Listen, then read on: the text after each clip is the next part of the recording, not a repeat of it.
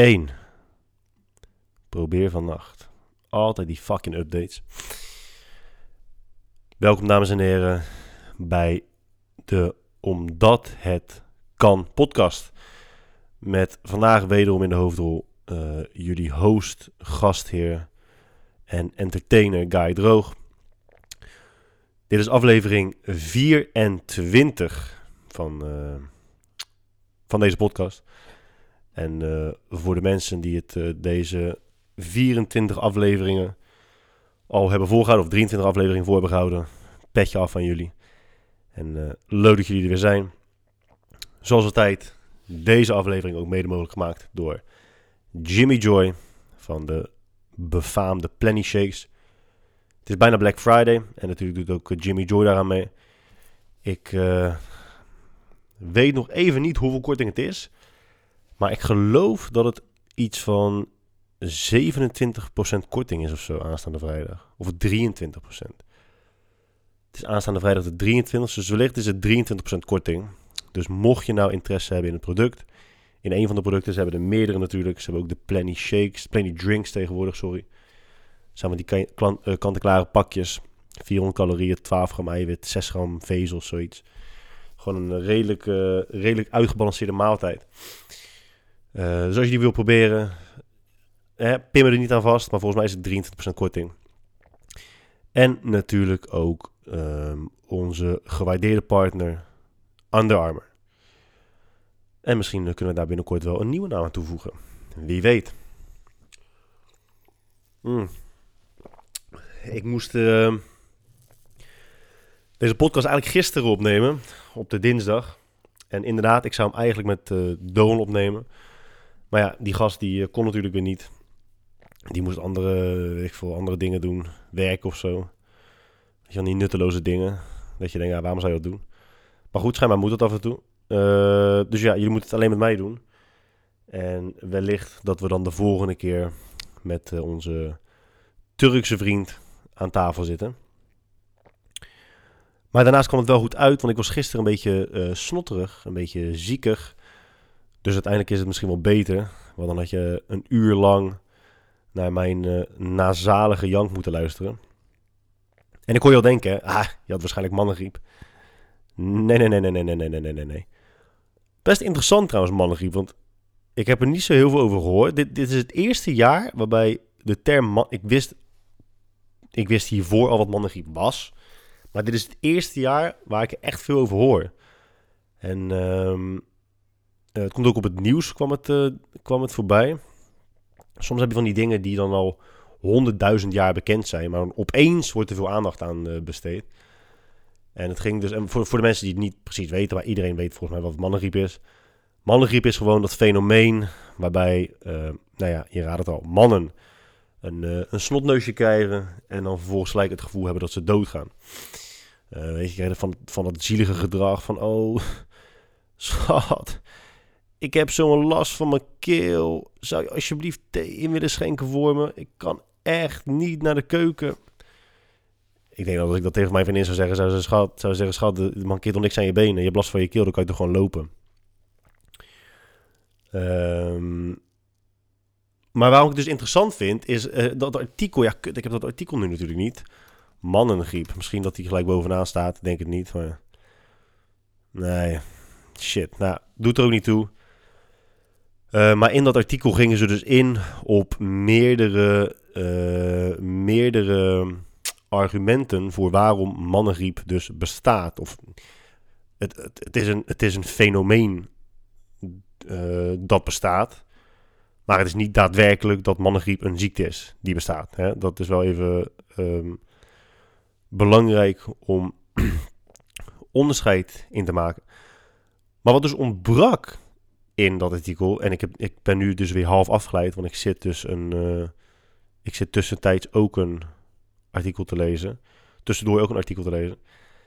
En niemand benadrukt de rol van vrouwen bij het fenomeen mannengriep. Oh, hier, dit is het volgens mij. ja, volgens mij is dit het artikel dat ik dus las. De titel, het is trouwens een artikel op gezondheid en En de titel is Griep, waarom mannen denken dat ze doodgaan. Ehm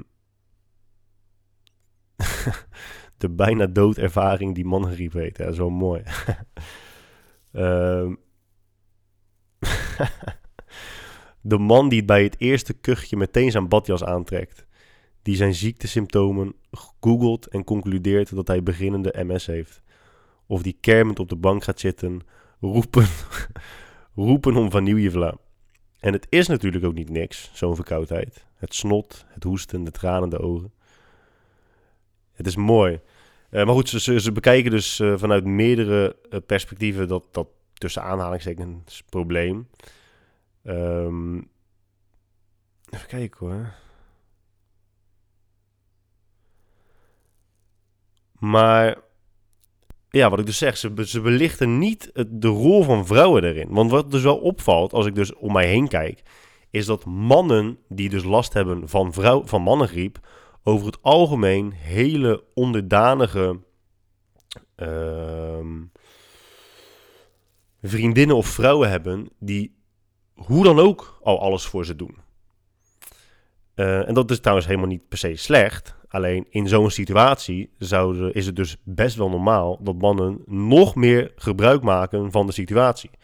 Ik zie het namelijk als volgt. Toen ik uh, jong was, ik, uh, wij, wij zijn opgegroeid met een moeder die alles voor ons deed, alles voor ons over had. En dat weet je ook gewoon als kind zijn. Je weet gewoon dat als je iets wilt um, en als je het dan goed brengt, dat je het dan voor elkaar kunt krijgen. Dat betekent niet per se dat je verwend bent. Het betekent alleen dat je weet wat je moet doen om te krijgen wat je wilt. Het is niet dat je met je vingers hoeft te knippen en het werd geregeld. Dat is het ook weer niet. Um, dus soms waren er tijden dat je gewoon niet naar school wilde. En wat doe je dan? Dan stel je je gewoon heel erg nepziek op. En dan weet je dat als je dat drie minuten volhoudt, dat je moeder dan zou zeggen: Ja, oké, weet je wat, blijf maar thuis, ik bel wel naar school. En dan had je gewoon je zin en dan kon je lekker de hele dag gamen. Nou ja, als je dat twee, drie keer succesvol doet, heb je het patroon wel door. En vervolgens kun je, wanneer je wilt, gebruik maken van die situatie. Als jij een vriendin hebt of een vrouw hebt die uh, sowieso al bijna alles voor je doet. Dus je komt thuis zonder om te vragen, staat het eten voor je klaar. Als je het eten niet lekker vindt, kun je gewoon zeggen: Ja, schat, dank voor het eten, maar ik, ik vond het niet echt top. Zou je dit alsjeblieft niet nog een keertje kunnen maken? Of zou je dit volgende keer anders kunnen doen? Zou je dat volgende keer anders kunnen doen? Zou je van mijn overhemd kunnen strijken? Uh, nou ja, je kunt honderdduizend voorbeelden noemen. Er zijn meer dan genoeg mensen in zo'n soort relatie. En nogmaals, daar is niks mis mee. Maar waar dat dus toe leidt, is denk ik een grotere kans op het fenomeen mannengriep. Want als zo'n man dus ziek wordt of zich een beetje niet lekker voelt, ja, dan kun je dus jezelf nog meer in de watten laten leggen. Dan kun je gewoon op de bank blijven liggen en zeggen: Oh schat, zou je alsjeblieft een theetje voor mij kunnen maken? Zou je alsjeblieft mijn pantoffeltjes kunnen pakken? Zou je alsjeblieft de afstandsbediening kunnen pakken? Ik kan er niet bij. Ja, en dat is natuurlijk diep triest, maar we kunnen natuurlijk. Dus ik denk echt. Ik zeg niet het is de schuld van vrouwen. Maar ik denk dat een groot deel van de oorzaak wel vrouwen uh, is. En dat vrouwen voor ook een heel groot deel de oplossing kunnen zijn. Dat als vrouwen gewoon zeggen: nee, hey, je, hebt, je hebt, er mankeert helemaal niks aan je klauwen. Loop gewoon zelf naar de keuken en pak gewoon uh, zelf je theetje. Want A, je hebt helemaal geen koorts, je hebt een snotneus. Dus stel je gewoon niet zo aan. Als je dat één keer tegen een vent zou zeggen, dan wat denk je dan dat er gebeurt? Dat hij gaat huilen. Dat hij zegt, nou, nou, maar ik wil mijn theetje. Nee, dan wordt hij gewoon even gewezen op zijn zeikerige babygedrag. En bestaat de kans dus dat het verandert. Dus als jij een vriend hebt of een man hebt die dus last heeft van mannengriep, uh, zoek het dan ook even bij jezelf. En misschien is het, uh, misschien uh, is wat ik zeg gewoon helemaal niet waar. Misschien heb jij, misschien ben jij zelf onwijs dominant in je relatie.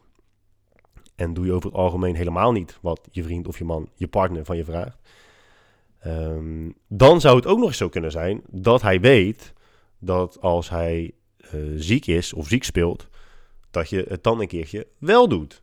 Maar goed, wat is dan de winsituatie, vraag je dan af. Want als ik dus te veel voor mijn partner doe, dan maakt hij nog meer misbruik van de situatie op het moment dat hij ziek is. En als ik over het algemeen niet heel veel voor hem doe, dan maakt hij misbruik van de situatie als hij ziek is. Um, ja, dus dan leidt het altijd tot hetzelfde gedrag. En dat is dus misbruik maken van uh, jouw goedheid. En dat betekent dus dat de enige oplossing gewoon een normaal volwassen gesprek over voeren is. In plaats van blindelings toegeven aan iemands eisen en wensen. Denk ik. Maar ik zit dus even te scrollen, want ergens stond er ook. Eh, ze, ze bekeken het ook vanuit een evolutionair standpunt, waar ik, het ook, waar ik me echt niet in kon vinden. Um, ja, ik kan het dus niet vinden. Kut, sorry. Hmm.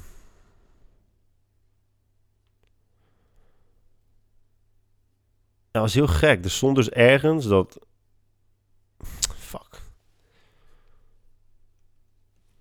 Evolutie. Nee.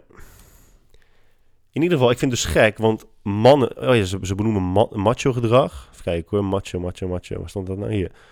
Toch was dat juist waar de media zich meteen opstorten. Man sneller ziek door macho gedrag. Het idee dat het hoge testosterongehalte van mannen gecompenseerd wordt door een lagere weerstand... spreekt dan ook tot de verbeelding. Zou het echt zo kunnen zijn dat macho gedrag zoveel energie kost dat er weinig overblijft om ziekte te lijf te gaan? En dat mannen verkoudheid daardoor al snel interpreteren als schriep? Maar dat is toch gek? Dat is toch het tegenovergestelde van macho gedrag? Als je, als je macho gedrag vertoont, dan, um, dan gedraag je je toch juist overmoedig. Dan, dat is toch gewoon letterlijk stoer doen. Dus dat is toch, dat is toch zodra jij een vleeswond hebt, bij wijze van zeggen dat je geen pijn hebt. Dat je zegt, nee joh, is helemaal niks van mij, heb ik er geen last van. Dat zou dan toch juist, als, dus als, als macho gedrag kenmerkend is voor mannen, zou macho gedrag toch juist anti-mannengriep moeten werken. Dan zou je dus toch bij fucking hoge koorts moeten zeggen, nee joh, nergens last van. Gewoon lekker door blijven werken. Hè? Je weet toch, je weet toch hoe ik te werk ga. Dat zou dan toch eerder um, het verwachte gevolg zijn van, van macho gedrag, of zie ik dat verkeerd? En daarnaast vind ik het sowieso gek, want ook vanuit evolutionair standpunt, perspectief, klopt er ook helemaal geen reet van. Omdat mannen waren juist. Um, de, de rol van mannen was juist um, voorzien voor de familie, voor het gezin, voor de, voor de tribe, voor de stam. Ja. Dus als je dan bij het minste of geringste een week plat moet, omdat je zegt: Ik heb zo'n last. Ik heb zo'n last van mijn buik. Dat klopt toch niet? Dus vanuit elk perspectief klopt het gewoon niet dat een man zich zo zou moeten gedragen. Van nature in ieder geval echt totaal niet. En als het dus van nature, van nature on. Als het dus onnatuurlijk gedrag is. Ik wilde zeggen, als het van nature onnatuurlijk gedrag is. Jezus, mine. Als het uh, dus onnatuurlijk gedrag is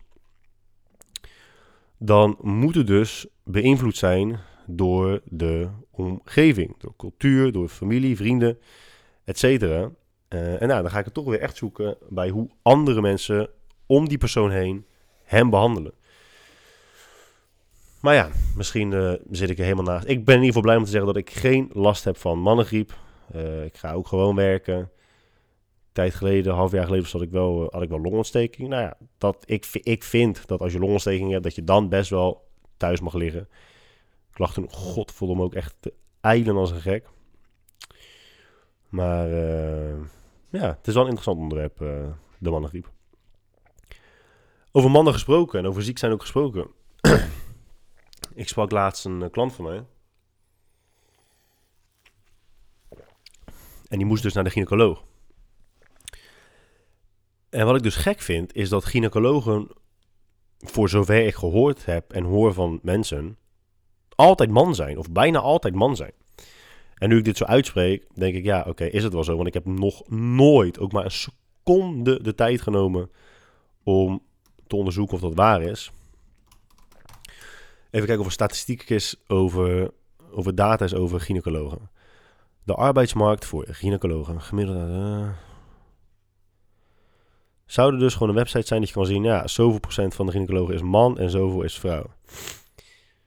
Stand van zaken in 2009 zit ik nu. Jezus, als je een pdfje vindt altijd op internet.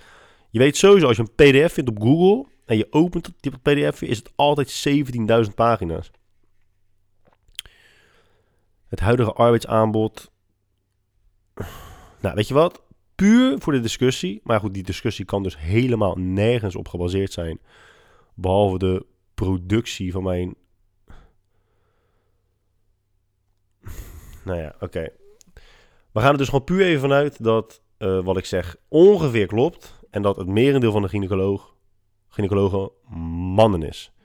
Man is. Dat is toch best gek? Of ligt het nou aan mij? We kunnen gewoon wel stellen dat mannen en vrouwen, als het gaat om geneeskunde, uh, net zo goed kunnen presteren. Hè? Even, ik denk dat we dadelijk misschien nog even over gelijkheid gaan hebben. Waarschijnlijk niet. Maar mannen en vrouwen willen gelijk zijn. Of vrouwen willen gelijk zijn aan mannen. Nou, dat kan niet, want we zijn niet gelijk aan elkaar.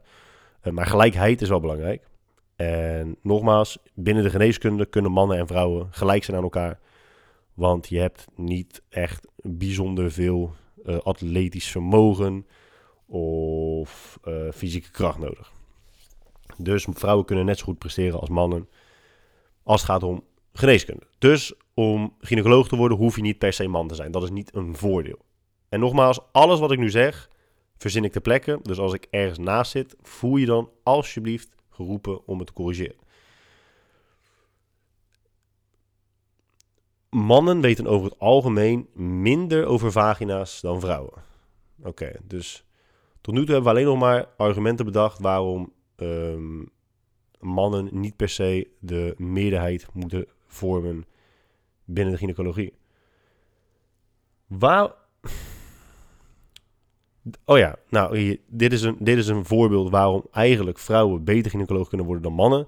Ik heb het idee dat de meeste vrouwen het prettiger vinden als een andere vrouw naar hun um, niet lekker ruikende, uh, druipende, um, dubbelgeslagen, zwellende vagina kijken. Waarom zijn het dan zoveel mannen? Het zou aankunnen. Nee, ik snap het gewoon. Ik kan hem gewoon echt. Ik kan niks bedenken. Waarom er zoveel mannen gynaecoloog worden. En ik, ik wil dan natuurlijk de sprong maken naar, uh, naar, mijn, uh, naar het vieze gedeelte van mijn brein. Waarin ik dus gewoon zou zeggen: ja, ik denk dat gewoon heel veel vrouwen, heel veel mannen heel erg kutjes willen zien.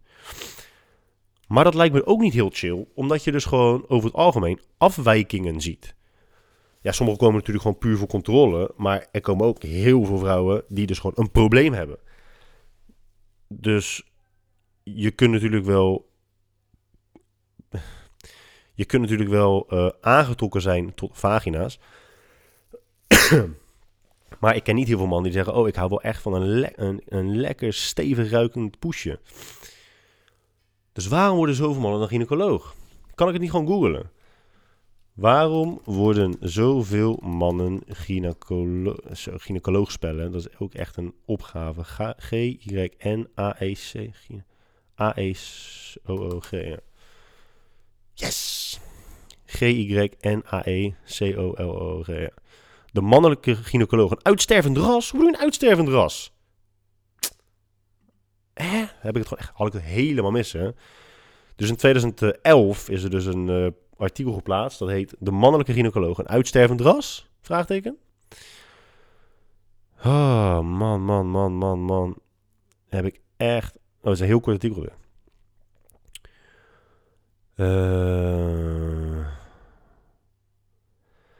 Ja, weet je wat dus is? Ik wil dus nooit een heel artikel gaan lezen terwijl ik uh, een podcast aan het opnemen ben. En in plaats daarvan ben ik dus elke keer twee minuten. Ik denk dat ik beter een artikel voor kan lezen van acht minuten dan gewoon twee minuten gewoon voor me uit kunnen staren en niks zeggen. Maar goed. Um, waarom staat er dan nergens een fucking. Er staat gewoon nergens hoeveel man en vrouw. Nou ja, daar kwam dus niks uit. Um, zou, ja, zouden, we, zouden we gewoon kunnen stellen dat aan mijn lijf hier. Aan mijn lijf geen vreemde man. 2008, Volkskrant. Ja, ik accepteer cookies. Hoe reageren mannelijke artsen als een vrouwelijke moslimpatiënt zich niet wil laten aanraken door een man? Er is een richtlijn, maar die voorkomt niet dat medici soms moeten schipperen. Ja, dude, Volkskrant, holy shit. Gewoon een bijbelartikel, zo lang is die. Ja. Nou jongens, ik weet het niet. Ik, uh, ik dacht misschien wordt dit wel een interessant onderwerp. Maar naarmate we verder gaan in het gesprek, kom ik er dus achter dat ik er echt helemaal geen ene kloot over weet. Mm. Maar waarom, de, de reden waarom deze gedachte is ontstaan, is omdat de laatste tien vrouwen die ik over een gynaecoloog heb gehoord, uh, hadden het allemaal over mannen. En natuurlijk is tien verhalen um, over heel de wereld gezien, of heel het land gezien, niet een uh, enorm deel. Maar ik zag daar wel een patroon in. Oh hier, als ik ga vertellen waarom ik gynaecoloog ben geworden, verval ik onherroepelijk in clichés. Oeh, dit is leuk. Oh, dit vind ik leuk. Carol Hamilton, gynaecoloog, pionier op het gebied van vruchtbaarheidsonderzoek. Als ik ga vertellen waarom ik gynaecoloog ben geworden, verval ik, in, verval ik onherroepelijk in clichés. Laatst moest ik 50 sollicitatiebrieven lezen voor een opleidingsplaats in ons cluster. En de kandidaten hadden het allemaal over de breedheid van het vak en de variatie, de combinatie van praktisch en beschouwend werk en het werken met mensen. Tot nu toe heb ik nog niks gehoord waarvan ik denk, oh ja, waarvan ik denk, oh ja, dat is wel heel erg specifiek voor gynaecologie. Volgens mij um, vind je dat in best wel veel andere beroepen ook. Maar goed. En toch zijn dat ook de dingen waarom ik gemotiveerd ben om dit werk te doen. Binnen de gynaecologie kun je je op een aantal gebieden subspecialiseren. Perinatologie, oncologie en voortplantingsgeneeskunde. Ik ben vooral geïnteresseerd in de voortplanting. Oké. Ja. Nou, duidelijk. Maar dan, ja, dan snap ik nog steeds niet waarom je dus een vak kiest waarbij je heel de dag naar pushers moet kijken.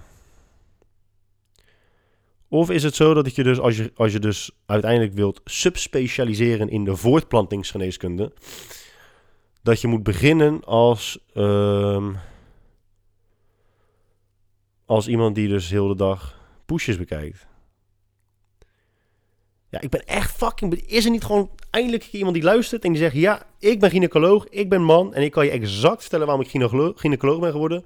Zonder dat, is, zonder dat ik als een creepy-ass dude overkom. Nou ja, hè, laten we dat onderwerp maar gewoon afsluiten. Volgens mij uh, zitten we al uh, op de helft.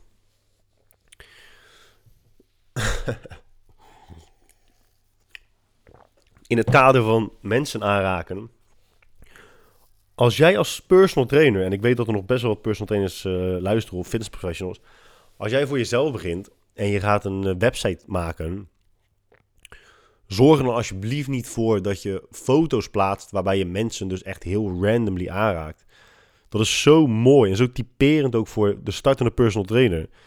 Tijdens een personal training sessie raak je over het algemeen mensen niet echt aan. Je kunt, als je enigszins uh, ethisch verantwoord te werk gaat, even met je vuist in iemands bilspier poren. Hè, met de achterkant van je, hand, van je hand, niet met je vingertopjes, achterkant van je hand, van je knokkels, met je knokkels. Kun je even voelen voordat je dat aan hebt gegeven. Of iemand, een, hem, een vrouw of een man, zijn of haar billen aanspant. Maar wat zie je dus heel vaak gebeuren? Het zijn altijd dezelfde oefeningen die ze doen. Dan laten, mensen, laten trainers mensen een uh, led pull-down maken of een zittende dumbbell overhead press. Het zijn altijd die twee oefeningen.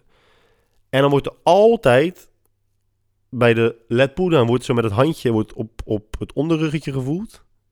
En dan denk ik, Hoezo? Waarom zou je in hemelsnaam tijdens welke oefening dan ook aan iemands je hand op iemands onderrug moeten leggen?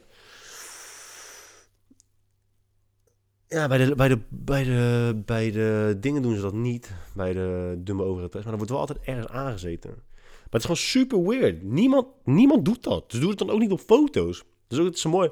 Als je dan een foto... Dat is überhaupt met foto's maken. Dat mensen zich best wel ongemakkelijk voelen iedereen kan gewoon zijn. En daar bedoel ik mee dat als je iemand in een kamer zet, dan kan die persoon gewoon zijn. Er gewoon zijn. Gewoon bestaan en niet het gevoel hebben van, oh, ik ben nu hier, dus ik moet nu mezelf anders, ik moet er nu anders uitzien dan ik er normaal uitzie. Maar zodra iemand een fucking camera tevoorschijn haalt, tovert, Dan is het zo van, oh, oh, oké, oh, oh, oh, oh, moet ik gaan zitten? Hoe, eh, hoe wil je dat ik kijk? Hoe wil dat ik lach? Hoe wil dat ik... Moet naar de kamer kijken? Moet ik er langs kijken? Bro, doe nou eens gewoon rustig. Je ziet er toch niet als een idiot uit? Je ziet er toch gewoon als een normaal mens uit? Dus kun je niet gewoon... Stel je voor dat jij midden in een kamer staat. En dan, ik zeg gewoon tegen jou, sta eens gewoon zoals je normaal staat. Iedereen kan op een normale manier staan. Tenzij je geen benen hebt. Of één been hebt. Dan is staan ook soms moeilijk. Zonder krukken. Maar even ervan uitgaan dat je twee benen hebt. En gewoon een mens bent. Dan kun je in een kamer staan. Stel je voor dat je dan één stap opzij zet. En dat ik daar dan met een camera sta. Dus je stapt in het beeld van de camera. Waarom moet je dan opeens je best doen om anders te zijn? Ik snap dat, ik snap het. Ik snap er helemaal niks van. Ik snap wel dat je. Ik kan me voorstellen dat een camera je ongemakkelijk maakt, maar dat komt exact om de reden. Door de reden die ik nu net benoem. Omdat je het idee hebt, het gevoel hebt. dat je dus iemand anders moet zijn dan je bent. Maar je, moet, je hoeft letterlijk niks te veranderen. En het ergste is nog, als mensen die knap zijn uh, het doen. Dat ze dan denken van, oh ja, maar hoe moet ik nu zijn? Ja, dude, als ik naar jou kijk, zie je er fucking goed uit. Dus ga gewoon met je bek voor de camera staan en wees gewoon exact de persoon die een seconde geleden ook was. En dan maak ik daar een foto van. En dan is de foto klaar. Dat is het moment. En dat is dus ook met personal trainers die opeens rare shit gaan doen. Als jij een training geeft, dan zit je niet met je hand aan iemands onderrug. Voor, gewoon zonder reden.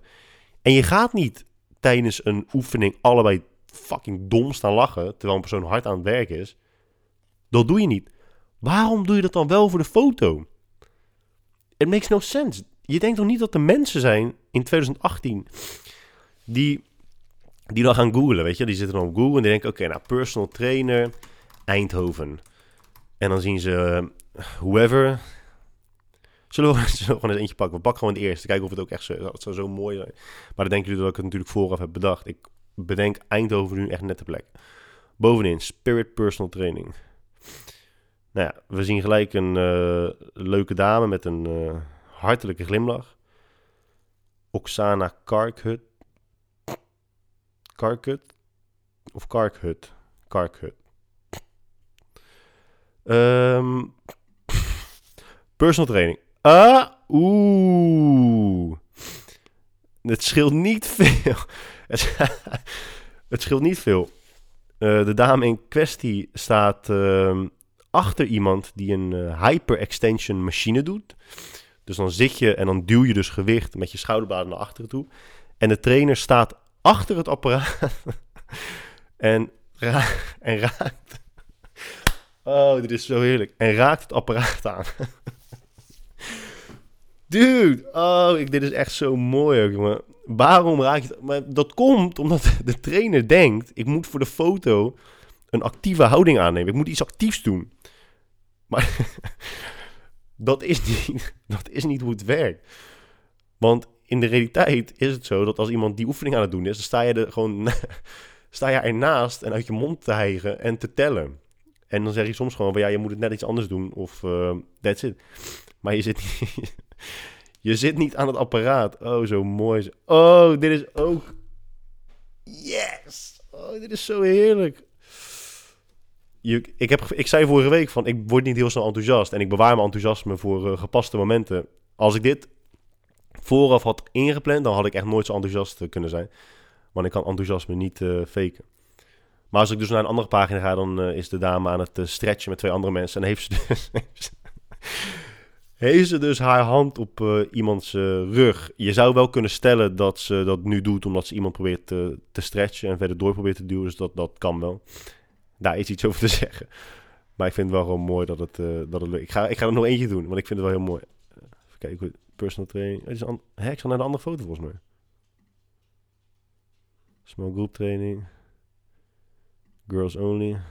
Nee. Even naar de volgende. Oh, wat mooi dit zegt. Zo, daar kan ik zo wel genieten. Uh, volgende. Personal trainer. Nee, Celsa ken ik. Cel oh, misschien doet Celsa het ook. Maar Celsa is wel een uh, hele leuke dame. Dat is van uh, Selma Guiking. Een hele slimme, slimme vrouw. Doet heel veel met de zwangerschapstraining ook. Dus als je daar interesse in hebt, check dan zeker celsa.nl. Ehm, maar goed, nee, Selma heeft uh, helaas, en niet heel verrassend, niet zulke foto's. Wel een foto van de eigen blije bakkes, maar dat mag. Um, Oké, dan gaan we naar de volgende. Mm, mm, mm, mm, dat is Personal Training Eindhoven, Spark, Spark Sportsclub. Spark met CK. Niet dat hij iets mis mee is, maar dat je het weet. Nee, die hebben dat uh, ook niet. Nou ja, jammer dan. we hebben het in ieder geval geprobeerd. Het is wel zo leuk dat de eerste, dat eerste dat wel was. De eerste het wel deed. Oh, sorry, ik moest daar best wel om lachen eigenlijk. Verrassend hard om lachen. Ik heb er stiekem nog eentje aangeklikt.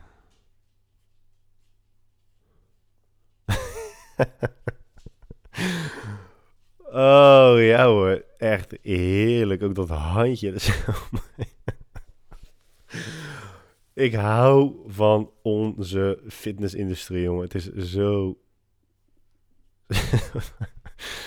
zo voorspelbaar allemaal. Dus. Uh...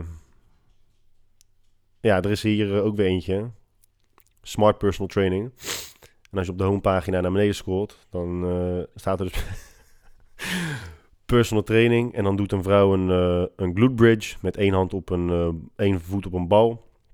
En de trainer naast haar kan natuurlijk niet gewoon normaal zitten en in beeld zijn. Hij moet nog hij moet nog even zijn handje ophouden. Want dat doe je ook tijdens personal training sessies. Dan doe je je hand omhoog.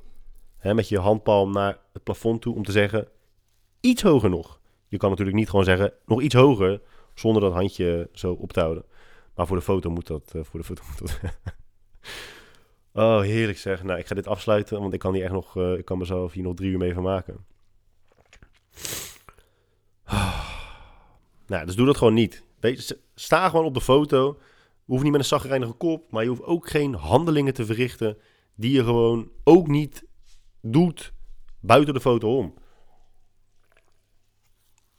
Voel je nou niet zo fucking bezwaard en awkward omdat een cameraman aanwezig is. Jezus man, je bent toch geen drie? Ah. Nee, dat is nog het ergste. juist omdat je geen drie meer bent, voel je je zo bezwaard. Je bent over de jaren heen zo godvergeten zelfbewust geworden... dat je waarschijnlijk niet eens uh, ongegeneerd van een orgasme kunt genieten. Omdat je denkt van, oh, misschien klink ik wel gek. Ah.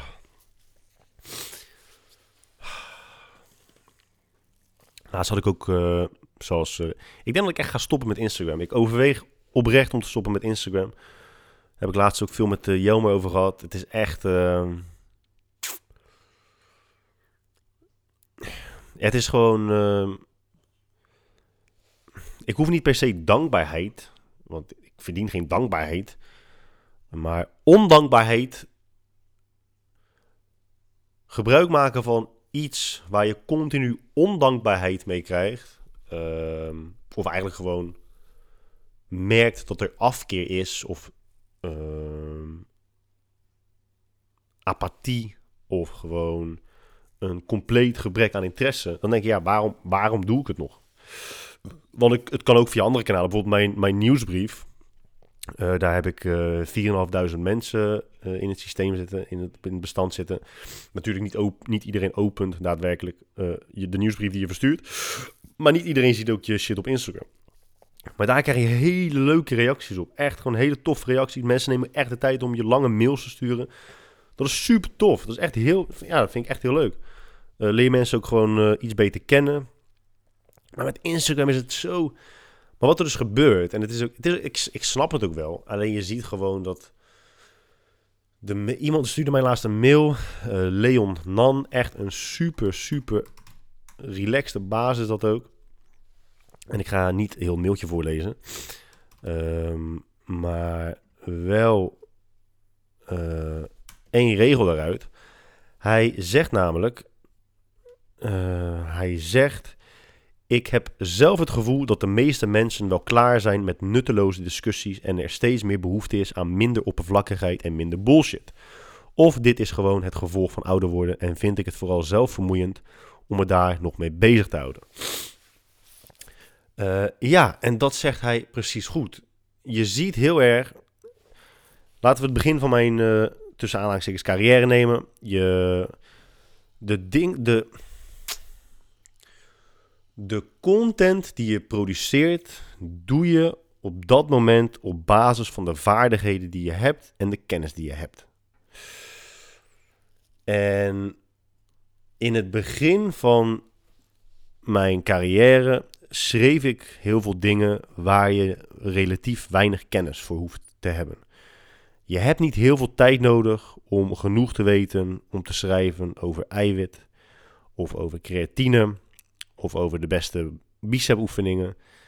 Uh, het is wat anders om er leuk over te schrijven. Dat staat vast. Dat is dan meer um, de, de humoristische kant van de persoon die het schrijft.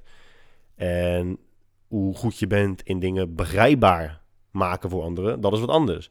Maar je hebt niet heel veel theoretische kennis nodig om er gewoon iets over te schrijven.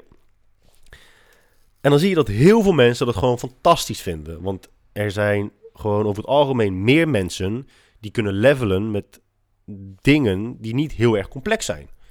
Uh, daarmee zeg ik niet dat heel veel mensen dom zijn. Ik zeg alleen maar dat er over het algemeen, hoe complexer iets wordt, hoe minder mensen uh, er behoefte aan hebben. En hoe meer mensen het uiteindelijk ook begrijpen. Dus die getallen nemen gewoon heel erg af. Uh, heel, heel simpel gezegd, 1 plus 1 is 2, dat weet vrijwel iedereen. Dus heel veel mensen kunnen zich daarin vinden en denken, oh ja, nice, ja dat weet ik ook. En dat kan ik onthouden, dat is makkelijk, ik snap dat, top. Dan kan ik doorsturen, want als ik die doorstuur, dan weet ik dat de persoon waar ik het naartoe stuur het ook snapt. En ook daardoor waardeert. En die denkt, hey gozer, wat stuur je mij nou? Ik snap hier helemaal geen kloten van. Dus die hele simpele dingen verspreiden zich ook sneller. En er zijn dus heel veel ondernemers, uh, of schrijvers, of whatever, professionals, die het daar dan ook bij houden. Want het werkt. Uh, als je kijkt naar, naar uh, likes en volgers die je krijgt, engagement, interactie, is heel hoog. En heel veel mensen houden van die aandacht. Dus blijven ze dat doen. Dus je ziet mensen die 40, 45, 50 zijn en nog steeds exact dezelfde dingen schrijven als um, iedereen 10 jaar, 20, 30 jaar geleden deed. Maar als je dus nieuwsgierig van geest bent of nieuwsgierig van aard bent, dan ga je je steeds meer verdiepen in onderwerpen waar heel veel anderen zich minder uh, in interesseren. En als je nieuwsgierigheid daardoor alleen maar blijft toenemen, duik je dus ook nog het liefst dieper in de stof. Waardoor over het algemeen de complexiteit van de dingen, van de ideeën die je hebt uh, en de dingen die je opschrijft, toeneemt. Waardoor het, de, interesse wordt gewoon veel minder. Dus Jelmer zei laatst ook, en dan moest ik om lachen, want het is ook zo. We hadden het over dus inderdaad weer dat, dat zo, zoveel mensen je ontvolgen. Ik had na mijn laatste post op mijn website, mijn ene laatste post nu, het wonder van de wedergeboorte. Ik zei laatst ook tegen Don, ik zeg, uh, dat artikel, dat stuk, was het eerste wat ik in acht jaar lang heb geschreven, waar ik oprecht trots op was. Dat ik dacht van, ja, dit, uh, ja, dit, dit doet mij zelfs wat. Ik, ik las en ik dacht van, god damn, weet je, Jesus, ik weet waar het naartoe gaat, want, ik schrijf het zelf. Maar nog steeds was ik gewoon nerveus terwijl ik het schreef. Uh, dus het, was, het kwam echt, echt uit mezelf. de intenties waren, waren goed. Ik hoop dat dat zo overkwam. Maar achteraf dacht ik van, zo, dit is echt... Uh, ik, moest er gewoon, ik moest er gewoon echt een beetje van bijkomen. Het was echt een soort van uh, ja, hele, hele ervaring. Hele belevenis. Maar na dat stuk had ik dus ongeveer 200 volgers minder, hè. En ja, het, is echt te bizar. Maar mensen blokkeren je zelfs op uh, Instagram. En op dat moment denk je wel van, ja, weet je, waarom doe ik het dan? Want de mensen van wie je het liefst waardering wilt krijgen... en dat zijn je directe naasten die stuur je een appje, die stuur je een mailtje. Uh, een vriend van mij die heeft uh, echt een onwijs mooi mailtje teruggestuurd naar me. En die heeft het artikel ook gedeeld um, um, met zijn team. Hij is manager van een, uh, een redelijk groot team bij een, een, behoorlijk groot bedrijf. En ja, dat doet, me, dan doet me, dat doet me ook echt dan heel erg goed. Dat is onwijs, onwijs vlijend. Maar Jelmer zei dus laatst ook van, ja, hij zei, ja, weet wat is? Het, het nadeel is dat gewoon je doet dingen die je steeds leuker vindt, omdat het steeds specifieker, steeds nauwkeuriger wordt. Je kunt er steeds meer jezelf in zijn. En steeds meer mensen gaan je daardoor dus ontvolgen. Maar je ziet in de verte zie je al nul. Je, er zijn. Het gaat ook niet eens om. Kijk, het gaat ook niet eens om dat mensen je ontvolgen. Het gaat er gewoon om dat het in zulke grote hoeveelheden zijn. Ja, dat je denkt, ja, ja weet je, het, het heeft echt het heeft helemaal niet zoveel zin meer. Voorheen deed ik het nog omdat, je, omdat we best wel veel werk konden genereren uit Instagram. Maar het is zo verzadigd. Het is, het niet verzadigd. Je kan nog steeds wel, wel uh, geld, uh, inkomen genereren met Instagram. Begrijp me absoluut, niet verkeerd. Maar het is gewoon, het wordt steeds meer onnodig, laat ik het zo zeggen. Omdat andere uh, manieren van content verspreiden veel leuker zijn en uh, dankbaarder zijn. Bijvoorbeeld net als deze podcast. Ja, ik, ik blijf het geweldig vinden. Ik schreef gisteren ook een kort stuk over uh, mensen uit laten praten. En dat is dus ook waarom zo'n podcast in je eentje zo therapeutisch werkt. Ik zeg niet dat ik geen podcast met iemand anders wil opnemen hoor. Want als ik uh, een podcast met iemand anders opneem, dan weet ik ook met wie ik het doe. En dat zijn altijd met hele respectvolle mensen. Dat is altijd met hele respectvolle mensen. Maar het werkt dus gewoon zo goed voor mij ook. Want je kunt gewoon lekker lullen. En gedachten die vormen zich steeds meer tot soms een conclusie. En vaak ook niet. Maar nog steeds is het gewoon grappig om te ervaren hoe een gedachte binnen een paar minuten, of 15 of 20 of 30 minuten, uh, zich kan vormen. En het een steeds uh, duidelijker geheel wordt. En in een gesprek gaat dat vaak niet, omdat je dus wordt onderbroken. En daardoor kom je dus vaak als een dweep over. Ik weet van mezelf dat ik gewoon uh, in een gesprek heb ik tijd nodig. Ik wil dingen, ik wil na kunnen denken om vervolgens antwoord te kunnen geven. Maar ja, mensen zijn gewend om dingen vaak op de oppervlakte te houden. En als je het op de oppervlakte houdt, hoef je niet zo heel veel na te denken. En als iemand dan wel tijd nodig heeft om na te denken, denken ze: Jezus man, gast, doe eens niet zo traag. Geef eens gewoon antwoord. En daarom is een, een podcast heel, uh, heel relaxed. Uh, ja. Even kijken hoor. Wat is dit? En wat ik dus ook zo, uh, zo vervelend vind vaak op Instagram, is dat uh, interessante gedoe allemaal. Laatst las ik ook weer voor de zoveelste keer dat iemand dan zegt: Ja, jongens, ik, uh, er komen binnenkort zulke spannende dingen aan. Ik mag binnenkort zulke spannende dingen vertellen. Of uh, dat ze dan altijd uh, plaatsen dat ze zakelijke meetings hebben, weet je Ja, zakelijke lunch. Ja, ik heb weer een zakelijke lunch. Ja, lunch om spannende dingen te bespreken. Ja, er komt iets groots aan. Ja, binnenkort meer. Nog nooit is daar iets uitkomen rollen. Mensen doen dan een aankondiging dat er een aankondiging aan gaat komen, maar die komt er nooit. Ja, ik mag binnenkort zoiets spannends delen met jullie. En dan wacht je drie weken en denk je, oh, wanneer komt het dan? En dan komt het en denk je, ja, maar zo spannend is dat niet. Niet dat ik dat neerbuigend bedoel, maar dat sluit aan op um, een van die andere onderwerpen waar we het uh, een keertje over hebben gehad. Over baby showers en, um, en gender, gender review parties. Je vindt je eigen dingetjes altijd spannender en leuker dan de ander dat vindt. Altijd. Er zijn dus mensen die dan in. Um, er zijn mensen die in bepaalde situaties tegen een ander zeggen: van zo, ja. Ik, uh, ik kan me voorstellen dat het zo verschrikkelijk is. Weet je, dat, dan, dat een vrouw zegt dan tegen een man: ja, er is uh, borstkanker bij mij geconstateerd.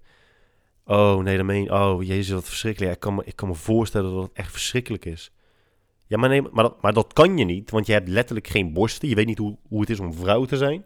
Je hebt totaal geen idee wat er in de persoon tegenover je omgaat. Dus dat is een soort van geforceerde empathie. Ja, je kan wel empathisch zijn. Je kan wel zeggen, je kan wel, je kunt wel aangeslagen zijn omdat een persoon waar jij om geeft uh, iets mankeert. En dat is verschrikkelijk. Maar je hoeft niet altijd te doen alsof je exact op één lijn zit, op exact dezelfde frequentie zit. En als je dus een aankondiging hebt van iets zakelijks, ja, jij vindt het heel spannend, maar anderen vinden het, vinden het gewoon leuk. Weet je, je, je bent echt heel, met alle respect, nee, niet met alle respect, je bent heel erg naïef als jij denkt dat al jouw fucking willekeurige volgers op Instagram jouw zakelijke aankondiging en jouw zakelijke lunch net zo spannend vinden als jij. Dat ze thuis zitten en dat ze denken... Oh, zo, oh, wat zou Mieke te horen krijgen dadelijk? Oh, oh, ik ben wel heel benieuwd. Jij zit thuis te wachten op mijn telefoontje. Jij denkt, hey, dit, dit kan misschien wel de rest van mijn leven gaan veranderen. Dit, dit, is, dit is een van de belangrijkste momenten in mijn carrière. Maar thuis, die mensen die jij kent via Instagram, die zitten niet zo. Die zitten niet te popelen thuis. Oh, wanneer komt het, wanneer komt het, wanneer komt het, wanneer komt het. Dus je kunt het gewoon gelijk zeggen. Je kunt gewoon zeggen, nou, ik heb vandaag een zakelijke lunch gehad met die en die. We hebben dit en dat besproken en misschien komt uh, dit of dat er wel uit. Maar die aankondigingen, Jezus Christus, man. Ah, huh, huh. Zo onnodig. Zo fucking onnodig. Maar hier, ik zou, ik, zou je, ik zou je gewoon een specifiek, concreet voorbeeld geven... om te laten zien dat je er echt, dat het je geen tyfus interesseert. Uh, Doan en ik, Perfect Performance Sportclinics en Perfect Performance Sportcenter. Wij werken momenteel met het bedrijf plansandpixels.nl. Dus P-L-A-N-S A-N-D-P-I-X-E-L-S. Plansandpixels.nl. Um, dat bedrijf is van Martijn Blokland. En Martijn Blokland is ook een behoorlijke baas en heel erg goed in zijn werk. Wat gaat Martijn voor ons doen? Martijn is bezig met. Nee, weet je wat? Ik ga dat niet zeggen. Ik ga. Oh jongens, we zijn met zoiets spannends bezig. En binnenkort kan ik daar dan misschien meer over vertellen. Weet je waarom mensen dat zeggen? Omdat ze willen wachten om te kijken of het succesvol aanpakt. Maar als het niet succesvol aanpakt, dan ben je het toch vergeten en hoeven ze niks meer over te zeggen. Maar goed, nogmaals, ik zal je laten zien waarom, waarom jij het dus nooit zo spannend zult, zult vinden als wij. Pens Pixels is dus landingspagina's voor ons aan het maken. Voor onze opleidingen uh, en ons uh, personal training centrum. En aan die landingspagina's, en die landingspagina's zijn dus heel specifiek voor een dienst. En aan die landingspagina's worden dus campagnes ge gekoppeld. Dus social media campagnes, Google Ads, dat soort dingen. Nou ja, daar zijn we al best wel lang mee bezig en best wel lang over in gesprek. Uh, dat gaat om, gaat om redelijke bedragen. En als het succesvol uitpakt, dan kan dat echt oprecht het verschil gaan maken tussen enorm succes in de toekomst, of nog veel meer succes in de toekomst, of gewoon het succes dat we, waar we nu van genieten. En dat is ook al best aardig. Dus ja, binnenkort. dus binnenkort uh, kan ik jullie meer vertellen over of dat een succes is geworden of niet. Ja, ja, dat, en dat is het dus. En dat doen heel veel mensen zonder al die details al te vertellen. Maar die zeggen dus gewoon alleen... Dat kan je toch niet voorstellen? Dat is toch totaal niet boeiend? Ja, jongens, Dylan en ik hebben volgende week een uh, gesprek met uh, ja, bedrijf van ik niet noemen. Maar uh, ja, we gaan hele spannende dingen bespreken. En ja, da daarover binnenkort meer. Dat vind je toch helemaal niet spannend? Niemand vindt dat spannend, behalve jijzelf. Jezus. Hou daar nou gewoon eens mee op. Fucking fit girls. Fit girls hebben ook altijd een platte reet. Dat je op, bijna alle fit girls hebben een platte reet. Dus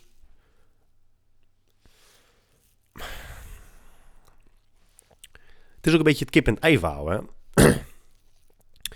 Mensen denken dus vaak dat uh, vrouwen met echt miljoen, fucking 7 miljard volgers, dat zij zoveel volgers hebben, omdat ze dus een lekkere reet hebben.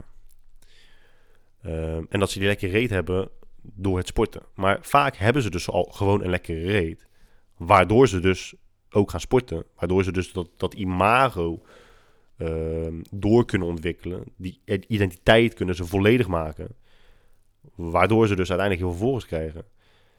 Uh, vaak word je een hele populaire fit girl omdat je een lekkere reet hebt. Maar het startpunt is al hele goede genen. Want waarom denk je dat het merendeel van die, van die, van die fit girls gewoon een platte reet heeft? Die doen exact dezelfde oefeningen als... Uh, fuck, hoe heet, dat, heet dat mensen nou? Ik wilde Kylie Jenner zeggen, maar ik ben de naam kwijt. In ieder geval met die, met die, met die gruwelijke, gruwelijke reet. Die verkoopt dan ook dat programma. En iedereen in de gym zie je die fucking curtsy lunges doen. Weet je wat, dat zijwaarts. En die kopen dan een elastiekje. En die doen ze naar de zijkant en omhoog en omlaag en naar achteren. En al die shit doen ze. En het resultaat is helemaal niks. En dat komt dus nogmaals omdat die chicks hebben geen, die hebben geen volle lekkere reet door die oefeningen die ze doen. Ze hebben die lekkere reet al. En vervolgens gaan ze maar die oefeningen doen om het plaatje compleet te maken. zodat jij uiteindelijk hun domme e-book koopt, om er vervolgens helemaal geen resultaat mee te boeken. Waarom denk je dat sterke mannen 99 van de 100 keer een betere kont hebben dan die fit girls? Omdat mannen die, uh, uh, die sterk zijn, en dan bedoel ik met name squats en deadlifts, dingen doen die daadwerkelijk effectief zijn voor het ontwikkelen van je bilspieren. Waarom... Weet je wat het is? Soms... Het is frustrerend, niet omdat je mensen achterlijk vindt, maar omdat je ze oprecht wil helpen. Ik durf, ik durf echt met volle overtuiging te zeggen dat ik al die mensen wil helpen. Dat je ze gewoon die oogkleppen af wil laten doen. En dat ze denken, oh, oh wow, holy shit, is dat het? Maar dat is zo moeilijk, want je kan echt honderd jaar achter elkaar dit tegen mensen zeggen. Maar het klinkt zo niet sexy. Dus dan denken ze, ja, ik volg maar gewoon die en die. En ik kijk maar weer wat voor domme lunges zij doet. En dan ga ik dat ook maar doen. Maar daar ga je er nooit mee komen. En dan ben je straks 42. En dan denk je, ja, waarom, heb ik dat, waarom, is, het, waarom is mij nou nooit gelukt? Ja, omdat je dus niet naar mijn podcast luisterde. Dat, dat, is, dat is het antwoord. En dat is echt het meest, het meest, meest frustrerende van in de fitnessbranche werken. Dat de mensen die de domste shit zeggen, zoveel fucking volgers hebben. Maar je kan dus wegkomen met domme shit zeggen als je er lekker uitziet. Dat, dat is dus wat het, dat is dus wat het, wat, wat het gevaarlijk maakt om uh, te luisteren naar een persoon en niet luisteren, te luisteren naar de stellingen.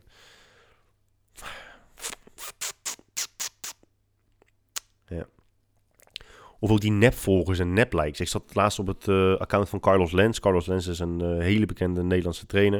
Ik heb verder helemaal niks tegen Carlos Lens. Maar het is gewoon iets wat ik zag op zijn account. Die heeft dan, uh, nou ja, hoeveel volgers had hij? Best wel veel. 30.000 of zo, denk ik. Instagram, Carlos Lens, of misschien 13.000. Carlos Lens Official. Ja, je moet wel official erbij zetten natuurlijk. Anders denken mensen dat het je fanpage is, die er niet is. Carlos Lens, 18.000 volgers. Nou ja, gewoon prima. Het is eh, ongetwijfeld een prima, een prima vent. En dan kijk je dan inderdaad uh, uh, op elke foto 1200 likes, 1200 likes, weet je wel, 3800 views. Nou ja, best wel veel. maar niet heel veel reacties. En dat is altijd al een beetje gek. Weet je, weet je hmm, als er zoveel mensen je shit liken, heb je vaak wel wat meer reacties. En het enige wat je dan hoeft te doen, is dus gewoon te kijken naar iemands volgers. En dan klik je, oké, nou dit zijn zijn volgers. En dan scroll je daar dus doorheen. En dan zie je echt zo verschrikkelijk veel Russische accounts. en dat is allemaal nep. Weet je, iemand koopt dus gewoon likes en koopt dus gewoon uh, volgers. Ik zeg trouwens ook helemaal niet dat Carlos dat zelf doet. Misschien heeft hij iemand die zijn account beheert. Um, maar het is zo een transparante teringzooi op social media. Het is onvoorstelbaar. En het gevolg daarvan is, en ik snap iemand die het doet, snap ik ook gewoon goed. Want hij krijgt natuurlijk gewoon klanten die, die uh, inloggen op Instagram en die denken, zo, tyfus, hè? 18.000 volgers. Hij zal ongetwijfeld een hele goede trainer zijn. En zo gaat het. En nogmaals, daar, ja, ik snap het ook, want je, je speelt ook gewoon in op uh, de oppervlakkigheid van de mens. Ik zei uh, bij, bij Beat the Brand, zeg ik ook, je weet, je weet dat je als... Je weet dat mensen een boek uh, beoordelen op basis van de omslag. Dat is zo. Don't judge a book by its cover. Maar mensen doen dat wel en dat weet je. Dus waarom zou je dan geen invloed uitoefenen op hoe die omslag eruit ziet? En dat is wat mensen doen. Die willen gewoon dat als iemand op hun account komt, dan gelijk ziet van zo, dat zijn veel volgers. Um, ja, en, ja, en dan ben je gewoon klaar. Dan, uh, dan, dan, dat heeft zo'n positieve invloed op hoe mensen jou zien. Dus uh, ja. Mm. ik had het ook nog met Diome over laatst. Jezus hij eh, liet een foto zien van iemand die uh, iets zei over yin en yang. ik maak ook wel eens spelfouten, vergis je niet. Um, in mijn, eh, in dus ook het resultaat, het wonder van de wedergeboorte.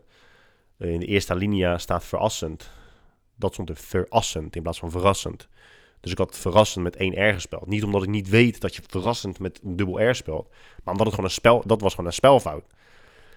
Ehm, maar wat je, dus, dat je, wat je dus vaak ziet ook op Instagram is dat mensen hele diepzinnige quotes willen plaatsen. Dus ze willen heel serieus genomen worden met datgene wat ze dan schrijven. Maar dan schrijven ze dus iets echt verkeerd. En dan bedoel ik dus mensen die bijvoorbeeld in plaats van symptomen zeggen ze symptonen. Of in plaats van immuun zeggen ze immuun. Uh, dus op een, eindigend op een M van Maria. En dat is gewoon fout. En dat, je weet dat dat geen spelfout is. Je weet dat ze dat letterlijk elke dag van hun leven op die manier zeggen. Hetzelfde geldt dus voor yin en yang. Mensen zeggen dus yin en yang. Y-I-N-G en dan Y-A-N-G. Maar het is yin en yang. Dus Y-I-N en dan Y-A-N-G. Maar er is maar één ding mooier aan mensen die in een hele serieuze setting en heel serieus en diepzinnig over willen komen. Dus gewoon iets fout zeggen. En dat is dat, dat anderen het dan overnemen. Dus die dan in de comments de stelling of de quote fout overnemen. Om het vervolgens ook nog eens te complimenteren. Van, oh, zo, ja, dat is echt. Wow, zo, die, die, die, ga ik van je, die ga ik van je overnemen als je het niet erg vindt, oké? Die ga ik van je stelen. Dude, in plaats van die quote overnemen en stelen, waarom google je het niet eerst even? Ik had eigenlijk verwacht dat hier... ik, had, ik had verwacht dat ik hier iets meer over zou kunnen, kunnen zeggen, maar ik vond het gewoon mooi.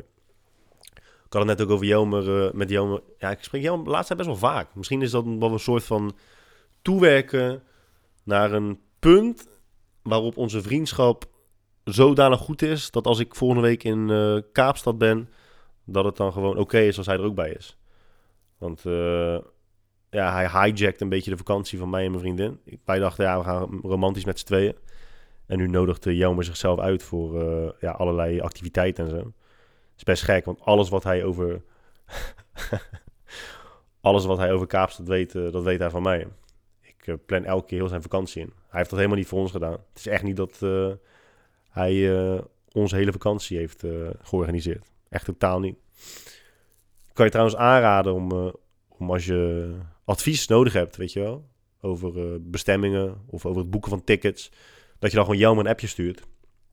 Want dat was ook het intentie van zijn boek. Hij wil reisgids worden. Dus als je vragen hebt, dan moet je dat gewoon stellen aan Maar het ging dus over groetjes doen. Groetjes doen aan mensen. En groetjes doen aan mensen vind ik ook heel gek. Het is uh, gebruikelijk hè, in Nederland. Gewoon, ja, doe maar de groetjes. Maar ik vind het nog steeds best gek. Is, voor mijn gevoel is het iets wat we dus ook gewoon weer cultureel overnemen... zonder er langer dan drie seconden over na te denken. Laten we samen eens kijken naar het fenomeen groetjes doen. Um, dus meestal doe jij de groetjes aan iemand op het moment dat iemand anders de naam van de persoon zegt die jij kent, aan wie je dus de groetjes wil doen. Dus even een concreet voorbeeld. nou ja, we gebruiken maar gewoon Jelmer als fucking voorbeeld. Jelmer en ik zijn in gesprek. En even puur voor de discussie kent... Uh, nou ja, die, Doan. We nemen... De, fucking hell, we Doan, Johan. Doan, Jelmer en, en, uh, en mij. Jelmer en ik zijn in gesprek. En ik zeg tegen hem... Ja, ik ga zo meteen uh, een bakje koffie doen met Doan. En Jammer kent Doan. Dus dan zegt hij, oh ja, weet je, doe Doan de groeten van me. Oké. Oké, dat ga ik doen. Ja, dat, dat, is, dat is scenario 1. Ik ga dat doen. Dan zie ik Doan, zeg ik, yo uh, dude, je hebt de groetjes van Jelmer. En wat gebeurt er dan meestal? Oh, oké, thanks man. Ja, doe hem de groetjes terug. Oké. Maar hoe vaak moet ik dat dan doen? Moet ik dan dus, als ik dan Jelmer weer zie, drie, weken later... Yo uh, bro, ja, ik uh, moest je nog de groetjes terug doen van Doan. Oké, dat is de meest gebruikelijke situatie waar iedereen in meegaat. Goedjes terug doe je meestal eigenlijk niet, want dan ben je gewoon echt een fucking bitch die als, als messenger wordt gebruikt voor hele oppervlakkige, niet-zeggende berichten. Ja, groetjes, ja, groetjes terug. Alright, man, thanks. Um, iemand, dus ik had dat gesprek laatst ook, uh, laatst, een paar maanden geleden met een vriend van mij, Dex. Uh, hij zei, enigszins terecht, van oké, Ehm, je, je doet iemand de groetjes om hem of haar te laten weten dat je aan hem of haar denkt. Maar dat klopt niet, want je denkt niet aan hem of haar. Ik herinner jou aan die persoon. Dat je, ik noem zijn naam of haar naam. En dat je denkt, oh ja, jij wel, oké, die ken ik ook. Dus doe maar de groetjes. Maar je doet de route aan iemand omdat je die persoon mag. Right? Dat kunnen we met absolute zekerheid stellen. Je doet iemand de groetjes omdat je die persoon mag. En je wil die persoon dus laten weten dat je aan hem of haar denkt. Um, of dat je gewoon nog steeds. Of, je, omdat je wil dat je, of omdat je een positieve emotie vrij wilt maken bij die persoon. Dus Doan en Jelmer kennen elkaar in dit voorbeeld.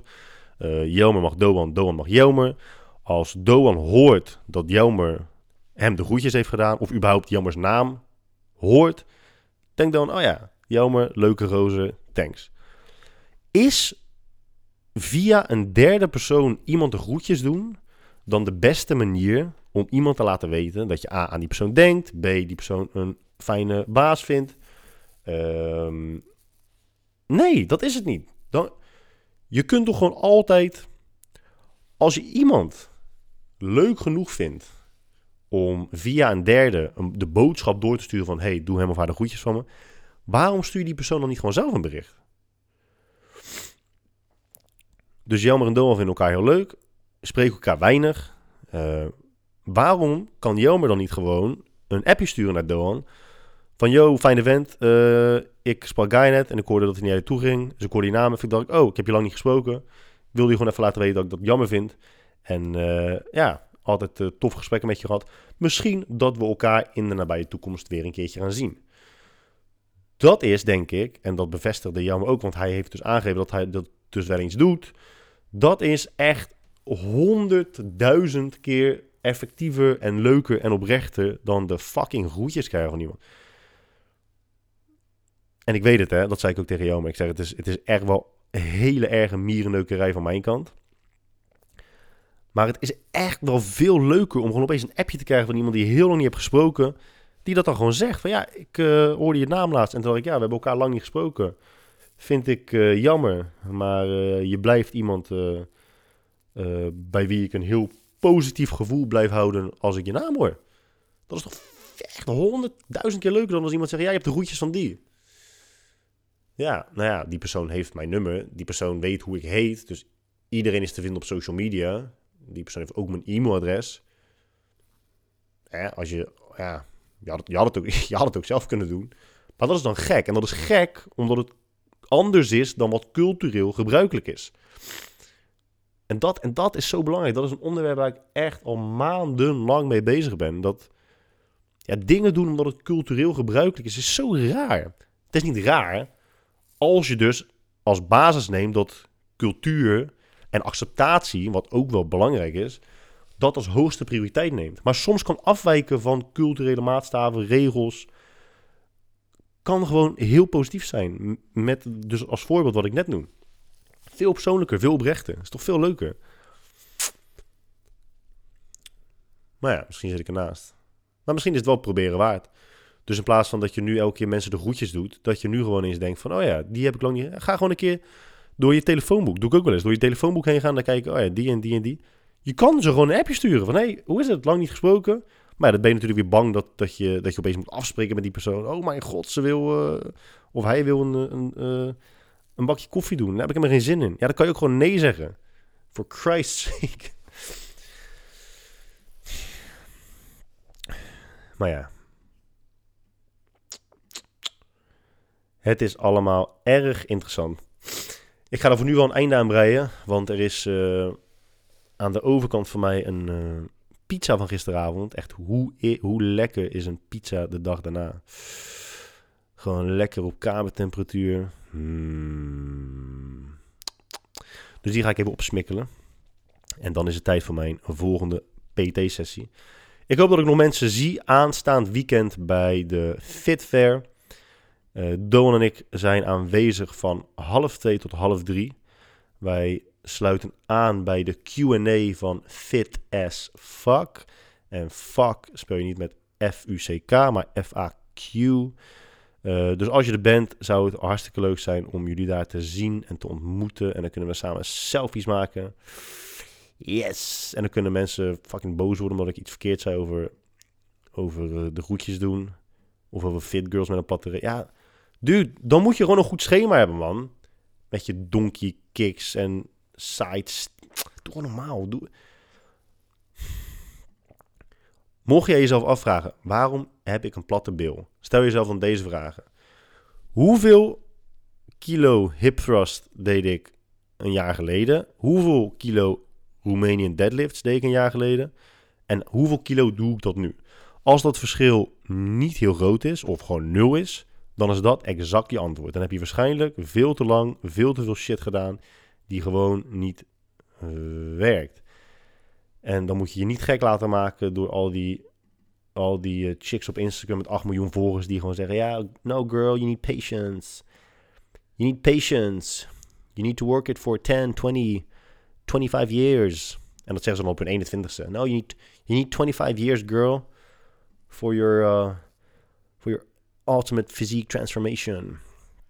Nee, dat is echt helemaal niet waar. Gewoon, als je, nee, dat, dat klopt niet.